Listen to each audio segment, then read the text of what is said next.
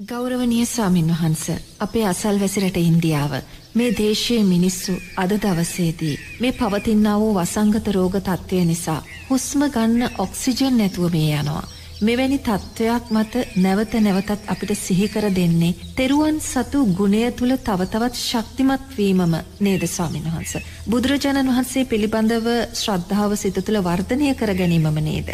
ඒ කියන අපේ ස්වාමින් වහන්ස බුදුරජාණන් වහන්සේ පමණයි මට තියෙන එකම සරණ පිහිට කියන ඒ අවබෝධය පුද්ගලයා තුළ තිබිය යුතුයි නේද ස්වාමින් වහන්ස. මෙහෙමයි නෝනා ද ඔබතුමිය දැන්ඔය කියන කතාව තුළ ඔබතුමිය ප්‍රකාශ කරන්නේ බුදුරජාණන් වහන්සේ එකම සරණ බුදුරජාණන් වහන්සේ එකම පිහිට කියන තැන ඉඳගෙන අපි මේ ප්‍රශ්නය විසඳාගත යුතුයි කියෙන කාරණය. බුදුරජාණන් වහන්සේ එකම පිහිට කියන කාරණය තුළ නෝනා මේ ප්‍රශ්න විසිදන්න අපිට පුළුවන්කමක් නැහැ. තේෙන්න්නත් බුදුරජාණන් වහන්සේට බෑ අපිට පිහිට වෙන්න. බුදුරජාණන් වහන්සේට බෑ අද ඉන්දියාවන්න ජනතාවට අපේ රටේ රෝගීව පස්වෙන් ජනතාවට පිහිටවෙන්. බුදුරජාණන් වහන්සේ උදෙසා මාර්ගයක් දේශනා කළතින. එතොර ඔබලාට බුදුරජාණන් වහන්සේගේ පිහිට අවශ්‍යනන් ධර්මරත්නය පිහිට අවශ්‍යනන් සංගරත්නය පිහිට අවශ්‍යනන් අපි දක්ෂ වෙන්න ඕනේ නෝන බුදුරජාණන් වහන්සේ දේශනා කලා වූ මාර්ගය තුළ ගමන් කරන්න. ඉදර බුදුරජාණන් වහන්සේ දේශනා කලා වූ මාර්ගය තුළ ගමන් කළොත් තමයි බුදුරජාණන් වහන්සේගේ ධර්මරත්නය සංගරත්නය සරණ පිහිට අපිට ලැබෙන්. ඒම නැතුව බුදුරජාණන් වහන්සේට අපිට සරණ වෙන්න බැහැ. අපි කොච්චර බුදුරජාණන් වහන්සේ සරණ ගියා කියන තැනඉඳලා අපි දවසට තුම්පාරක් බුද්ධන් සරණං ගච්ඡාමී දම්මන් සරණං ගච්ඡාමී සංගන් සරණං ගච්ඡාමී කියලා බුදුරජාණන් වහන්සේ තෙරුවන් සරණ ගියත් අපි බුදුරජාණන් වහන්සේ දේශනා කලා වූ මාර්ගය තුළ ආර්ෂ්ඨාංගික මාර්ගය තුළ නැත්තං නෝනා ඒ සරණ අපිට කවදක්ත් යහපතක් බවට පත්වෙන්න විදිහ නැහැමොකද අපි මාර්ගය තුළ නැහැ. එතොට තෙරුවන් සරන්න ගියා කියන්නේ නෝනාපි බුදුරජාණන් වහන්සේ දේශනා කලා වූ ධර්මය තුළ ක්‍රියාත්මක භාවෙන් කටයුතු කොළොත් පමණයි. බුදුරජන් වහන්සේ බොහොම පැහැදිලිව දේශනා කරලා තියෙනවා මම ඔබලාට වග කියන්නේ. මම ඔබලාට වග කියන්නේ මම යම් ගොදුරු බිමක් ඔබලාට දේශනා කලතිනවා. ඒ ගොදුරු බිමතුලෝ බැහැසරුණොත් පමණයි. මම ඔබලාට වග කියන්නේ ඔබ මෙන්න මේ ගොදුරු බිම මන් දේශනා කල්ල තින ඔබේ ගොදුරු බිම වියුත්ත මෙතනයි ඔබ මේ ගොදුරු බිමේ ජීවත් වනොත් මම ඔබට වග කියනවා එහම නැත්තම් මං ඔබට වග කියන්න මට පුළුවන්කමක් නැහැ කියලා. තර බුදුරජාණන් වහන්සේ දේශනා කරන ගොදුරු බිම තමයි උතුම් සතරසටි පට්ටාන ධර්මය ඔන්න තැන කියන. මම ඔබලාට වග කියනවා. මම වග කියන්නේ මෙන්න මම දේශනා කරන ගොදුරුබිම. ඔබ මේ ගොදුරුබිම සීමාව තුළ ජීවත්වෙනවනං ඔබ මේ ගොදුරුබිමේ සීමාව තුළ මට කීකරුභාවෙන් ජීවත්වෙනවනං මං ඔබට වග කියනව කියල බුදුරන් වන්සේ දේශනා කරනු. එතොටේ බුදුරන් වහන්සේ දේශනා කරන ගොදුරුබිමමොකක්ද උතුම් සතරසටි පට්ටාන ධර්මය. එන නොනා ලෝතුරා බුදුරජාණන් වහන්සේ උපත ලැබුවේ උතුම් සම්මා සම්බුද්ධ රාජ්‍ය අවබෝධ කළේ උතුම් පිරිනිවීම සිද්ධ වනේ දඹදිව බිම්කඩේ බව ඇත්ත. නමුත් නෝනා දම්බදිව බිම්කඩේ බුදුරජාණන් වහන්සේගේ උතුම් තෙමගුල සිද්ධ වනා කියෙන කාරණයේදී. දම්බදිව ජනතාව බුදුරජාණන් වහන්සේ දේශනා කලා වූ මාර්ගය තුළ නැත්තං ඒ ජනතාවට කවදාකත් තෙරුවන්ගේ සරණ පිහිටක් ලැබෙන්නේ නැහැ. තෙරුවන්ගේ සරණ පිහිටක් ලැබෙන්නේ නැහැ. ඉති අපිට පේනවන ඕනම කෙනෙකුට දැම්මේ කොරෝනා වසංගතය ඉන්දියාවේ ඇතිවෙන්නේ ඉස්සෙල්ලා නෝනා මුළු ලෝකයටම කාමච්චන්දයන් බෙදන ලොකුම මධ්‍යස්ථානි බවට පත්වෙන්න කුමක්ද. ඕ ඉන්දියාව තමයි. හොද ඔ හින්දි සිනමාව ඔස්සේ මුළු ලෝකයට මේ එක මොහොතක නෝනා එක හින්දි පින්වත් නළුනිලි මහත්තෙක්ගේ රූප දැකල නෝනා එක විනාඩියකති කෝටි ගානක් ජනතාව ලෝකේ කාමච්චන්දයන් ඇති කරගන්න ඇද. ලෝකේටම කාමච්චන්දයන්නේ කොළ බෙතනවා. ඒ වගේම ලෝක බලවතෙක් හැටියට නැගියන ලෝක බලවතෙක් හැටියට නෝනා කොයි සානං ලෝබ දේශ මෝහයන් ඒගොල්ල ඒගොල්ලන්ගේ රාජ්‍යයන් තුළ අයිති කරගන්නවා. එනම් ගොතන කොතනකොත් අපි ඒගොලු ධර්ම මාර්ගයක් තුළ දකින්නේ නැහැ. ඉති එනම් බුදුරජාණන් වහන්සේ දේශනා කලා වූ ඔය සුන්දර ගොදුරුබි මේ ජීවත්වන එකම මනුස්සෙක්මත් නොන ඔය දල්මතිය තලේ මංහිතන්න අද හොයාගන්න පුළුවන් කමත් තියෙනවද. ඒන ඉතින් අපිට ධර්මය රැකවරණය බලාපොරොත්තු වෙන්න බැහැ. අපි සමින්වහන්ස ධර්මය රැකවරණය ලබා ගැනීම උදෙසා තවදුරටත් අප සිතිය යුතුදේ කළ යුතුදේ කොල් විදියටද පහදාගන්න පුළුවන්. බුලින් බුදුරජන් වන්සේතින් මාර්ගය තුළ අපිට දේශනා කරන්නේ කුසලේ ශක්තිය ජීවිතයට එකතු කරගන්න කියලන්න ඕන පිනේ ශක්තිය කුසලේ ශක්ති අපි මීටිසල පන්සිල් බලුවෙන් කතා කලා.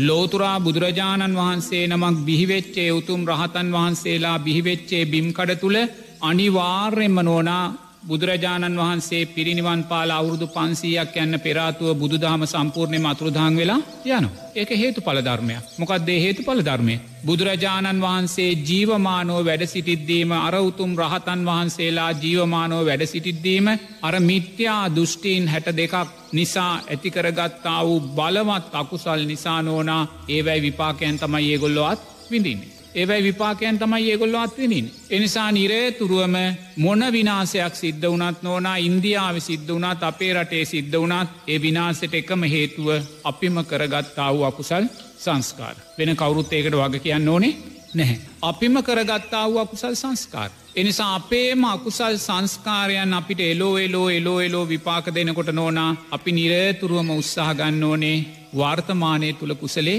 ජීවත්වෙන්. ඒකයි අපි කරන්න තින අපිට වෙන දෙයක් කරන්න විදිහක් නැහැ. එතෝ දැන් බුදුරජාණන් වහන්සේ දේශනා කරනවන ලෝකයේ අනාගතය ඇතිවෙන මුර්ග සංඥාවන් පිළිබඳ කල්ප විනාසයන් පිළිබඳ. ඉති එහෙමනං බුදුරජන් වහන්සේ ඒ ධර්මයන් අපිට දේශනා කළ තින මේ සංසාර බය දෙකළ මේ ලෝකයේ ස්භාවය මෙහෙමයි. බුදුරජාණන් වහන්සේ ජීවමානුව සිටිද්දිත් විශාලානුවර ඔය ආකාරයෙන්ම මහා මලකදංක ගොඩ ගැහුණ බුදුරජන් වහන්සේ ජීවමාන විද්දේ තර බුදුරජාණන් වහන්සේට ඒ වෙනුවෙන් කරන්න පුළුවන් දෙයක් තිබේ නැහැ. ඇයි ඒක ජනතාවගේ අකුසල් සංස්කාරයන්ගේ විපාකය වැඩුවා වූ ලෝබදේශ මෝහයන්ගේ බලවත් භාවය නිසාම් සිද්ධ කරගත්තා වූ විනාසය. එනිසා බුදුරජාණන් වහන්සේ අපිට මාර්ගයක් දේශනා කල්ලා තියෙනවා කැමතිනං මේ මාර්ගය ගිහිල්ල ඔබල ගැලවීම සොයාගන්න කියලා. ඒක බුදුරජන් වහන්සේ දේශනා කළ තියනවා. එනිසා නිරේ තුරුවම අපි දක්ෂවීතුයි නෝනා ලෝකය නිවැරදි කරන්න අපිට කොතනෙකවත් බෑම කොද ලෝකය කියන්නේ අවිද්‍යාවේ පලයක් ලෝකය කියන තුෂ්නාවේ පලයක් එනිසා ලෝකය නිවැරදි කරන්න අපිට පුළුවන්කමක් නෑ එනිසා අපි දක්ෂ වෙන්න ඕන නිරේ තුරුවම අපි මේවාට අකමැතිනං මේ සියලු ධර්මතාවයෝ අකුසලේ පලයක්ම කියල දැකල නෝනා අනිවාර්යෙන්ම කුසලේ තුළ ශක්තිමත් භාවයට පත්වෙන. කුසලේ තුළ ශක්තිමත් භාවයට පත්වෙන්. එසේ නොවී අපි මේ සිද්ධ වෙන දේවල් නෝනා ජීවිතේ පලවෙනිට වෙච්ච දේවල් නෙමේ ඉතින් බුදුරජන් වන්සේ අපිට කියනවා නිරතුරුම අතීත පංචුපාදානස්කන්දේ නූනින් දකිමින් ජීවත්වෙන්න කියලා. එතන අතීත පංචුපාදානස්කන්දය නූනින් දකිද්දි නෝන අපේ අපේ සාරා සංක කල්පලක්ෂ සියක් කෝටි ප්‍රකෝටි ගානක් අපි වින්දා වූ දුක දෙයි හාමුදුරුවනේ මේ අද මොකක්දොය කොරෝනා කියලත් නොවිදින සැපක් බලංගිහාම. අර මලකනං දස් ගණන් දැවි දැවී තිබ්බත් ඒකත් සැපක් නොන සංසාරය අපි වින්දාවුදුක් ඒකයි බුදුරජාණන් වහන්සේ අපිට බොහෝම කරුණාවෙන් මහා කරුණාවෙන් සමස්ත ලෝකයාටම බුදුරජාණන් වහන්සේ කියනවා අපිට. මෙතෙන්ට මහත් එක් එනවා එයා වේවැලක් කරන්න එන්නේ එයා කවදාකත් බොරු කියන කෙනෙක් නෙමේ. එයා යම් පොරොන්දුවක් වුණොත් ඒ පොරොන්දුවය අකුරට ඉටු කරන කෙනෙක්. මේ මහත්තයා මෙතෙන්ට ඇවිල්ල කියනවා මං ඔබට දවසට මේ වේවැලෙන් වේවැල් පාරවල් තුන්සීයක් ගහනවා. දවසට මං ඔබට වේවැල් පාරවල් තුන්සීයක් ගහනවා ඒ විදියට මං ඔබට අවුරුදු තුන්සීයක් මේ වේවැලෙන් පහර දෙනවා දවසට තුන්සිය ගාන. එගෙන අවුරුදු තුන්සියක් කියන දවස් තුන්සිය හැට පහෙව තුන්සියක්. මෙහෙම පහරදීලා තුන්සීයවෙනි අවුරුද්ධ ගෙවුණ තැන මං ඔබට උතුම් සෝවාන් පලේ දෙනවා කියන යා බොරු කියන්නේ ඇත්ත කියන කෙනෙ පොරොන්දු ඉටු කරන කෙනෙක්. යා කියන්නේ මොකක්ද දවසට වේවැල් පාරවල් තුන්සිය ගාන මං අවුරුදු තුන්සීයක් ඔබට බේවැලෙන් පහර දෙනවා. දවසට තුන්සිය ගානේ තුන්සීය වෙනි අවුරුද්ධ ගෙවුණ තැන අනිවාර්යම මං ඔබට උතුම් සෝවාන් පලේ බුදුරජාන් වහන්සේ දේශනා කරනවානේ සාදු සාදු දෙවරක් නොහිතා ඒ දඩුවම විඳලා ඔබ උතුම් සෝවාන් පලේ සාක්ෂාත් ඉල්ලගන්න කියලා. පුටෝන බලන්නකොය උපමාව. දවසට වේවැල් පාරවල් තුන්සිය ගානය අවුරුදු තුන්සීයක් වේවැල් පාරවල් කාලා ඔබට උතුම් සෝවාන් පලය දෙනවා කිව්වොත් දෙවරක් හිතන්න එපෑ අනේ සාදු සාදු කියලා ඒ උතුම් සෝවාන් පලය ගන්න කියනවා අර දුකබිඳල අවුරුදු තුන්සියක් නෝන. ඒ කියන්න මොකක්ද මේ සංසාර බය සංසාර ගැඹුර නමුත් නොන ඔය සංසාර ගැඹුර එක කළඳක්වත් අපි දකිනවාද එක දසමයක්වත් දකිනවාද දකිනවනන් සමාජ මේ විදියට හැසිරේද අපි හිතන්නේ මොන පිස්සුද දෙයි හාමුදුරුවනය අපි ඔය උපමාව බුදුරජාණන් වහන්සේ කියද්දි නෝනානේ කවරු හරිකිවොත් දවසට වේබැල් පාරවල් දහයගානේ තුම්මාසයක් ගහනව මට සෝවාන් පලේ දෙන්න කිවත් ඒකටත් කෙනෙක් කැමති වෙන්නේ නැහැ. තේරන්න දේකටත් කෙනෙක් කැමති වෙන්නේ? ඇයි ඒ? කල්්‍යාන මිත්‍රාශ්‍රය සද්ධර්මස්වනය නුවනින් මෙනේ කිරීමේ තියෙන්න්නාව දුරුවල භාවයන් නිසා අපි සංසාර ගැඹුර සංසාර දුර අපි දකින්නේ නැහැ. එනිසා බුදුරජාණන් වහන්සේ මේසා සංසාර බයක් අපිට දේශනා කරන්න නෝනා අපි නිකමට හෝ මරණාසන්න මොහොතේ දේශසිතක් සකස් වෙලා. තේෙන්න්නද දැන් අපි බලන්නකෝ දැම් මේ කොවිඩ් අනතුර නිසා අප්‍රමාණ පිරිස් නෝනා රෝගී භාවයට පත්වෙච්ච පිරිස් හිත විසිල්ලාතිීන්. තේනල් මොකොද ධර්මය සරණක් නැහැ. එගොල්ල එහෙම දෙයක් හිතුවේ නැහැ. තේන ධර්මය සරණක් නෑ විනෝද වුණා ප්‍රීති වුණා සතුටුනා විතරයි අරවගේ රෝගාබාධයක් වෙනකොට මේ දරුණු වෙන බව පේනකොට නොනා ගැටෙන හිතෙන් ඉන්නේ. විසිරිච්ච හිතෙන් ඉන්නේ. ධර්මයක් සිහිකරගන්න තේරුමක් නැහැ. අනාගත පංචුපාදානස්කන්දය කරේ තුෂ්නාව වැඩි. ඒ නිසාම ගැටෙන සිතෙන් නෝනා මැරුණොත්. තේරණ දැන් අද ඉන්දියාව වගේ බලන්න කොයිසා දේශයක්දේ ජනතාවතර තියන්න කියලා. පාලකයන් පිළිබඳ දේශය රෝහල් පිළිබඳ දේශය බලධාරයෙන් පිළිබඳ දේශය අර කළුකඩ මුදලාලිල පිළිබඳ දේශය ඉති මේවා නිසා නෝනා ඒ අය දේශයෙන් මැරිලා නිකමට හරි අර චතුස් කන්නේයට චතුස් දවාරයට වැටුනොත් බුදුරජන් වහන්සේ කියනවා එයා ඉප දෙන්නෙත් ගින්දරේ. මේ ඉප දෙනවා මේ පිච්චෙනවා මේ මැරෙනවා මේ උපදිනවා මේ විදිහට අවුරුදු දස් ගණන් දස දහස් ගණන් ලක්ෂ ගණන් චතුස්කන්නේ චතුස් දවාරය ගිනිගොඩේ ඉප දෙනවා කියනවා. තොට මේ ගිනි ගොඩේ ඉපදෙද්දි මොකක්දේ තුළ ඒගොලන්ට ඇතිවෙන්නේ. ලෝබ දවේශ මෝහයන්මයි. ඒ නිසාම චතුස්කන්නෙන් චතුස් දවාරෙන් පස්සේ ඊට පස්සේ බුදුරජන් වහන්සේ ගිනි අලු නිරය කියනවා ඊළඟට ගුට නිරය කියනවා හිබුල් වනය කියෙනවා මේ වගේ නිරයන් එකසිය විසි අටක් පහු කොල්ල තමයි කවදාහරි දවසකයා ඔතනින් ගොඩට එන්නේ අයි නිරේ කොතනකුවත් නෝනා අලෝබාදේශ අමෝහයන් වැඩෙන්නේ නැහැ. පිච්චීම නිසාම දුක නිසාම අකුසල් විපාකයන් නිසාම නැවත නැවත ලෝබදේශ මෝහයන් නිසාම අකුසල් පැටව් ගහලා කල්ප ගානකින් තමයි ආයිමත් නිරේෙන් එලියට එන නෝනා බුදුරජාණන් වහන්සේ කියපුුවර උපමාව සාධාරණද අසාධාරණද සාධාරණයි ස්වාමින් වහන්ස. ඒනං දවසට වේවැල් පාරවල් තුන්සිය ගානය අවුරුදු තුන්සීයක් කන්න කිව්වොත් නෝනා අපිට තේරන අවුරුදු තුන්සී අයි කියලා. නමුත් චතුස්කන්නට වැටනොත් නෝනා අවුරුදු ලක්ෂ ගානක් ඒදුක අපිට විඳින්න.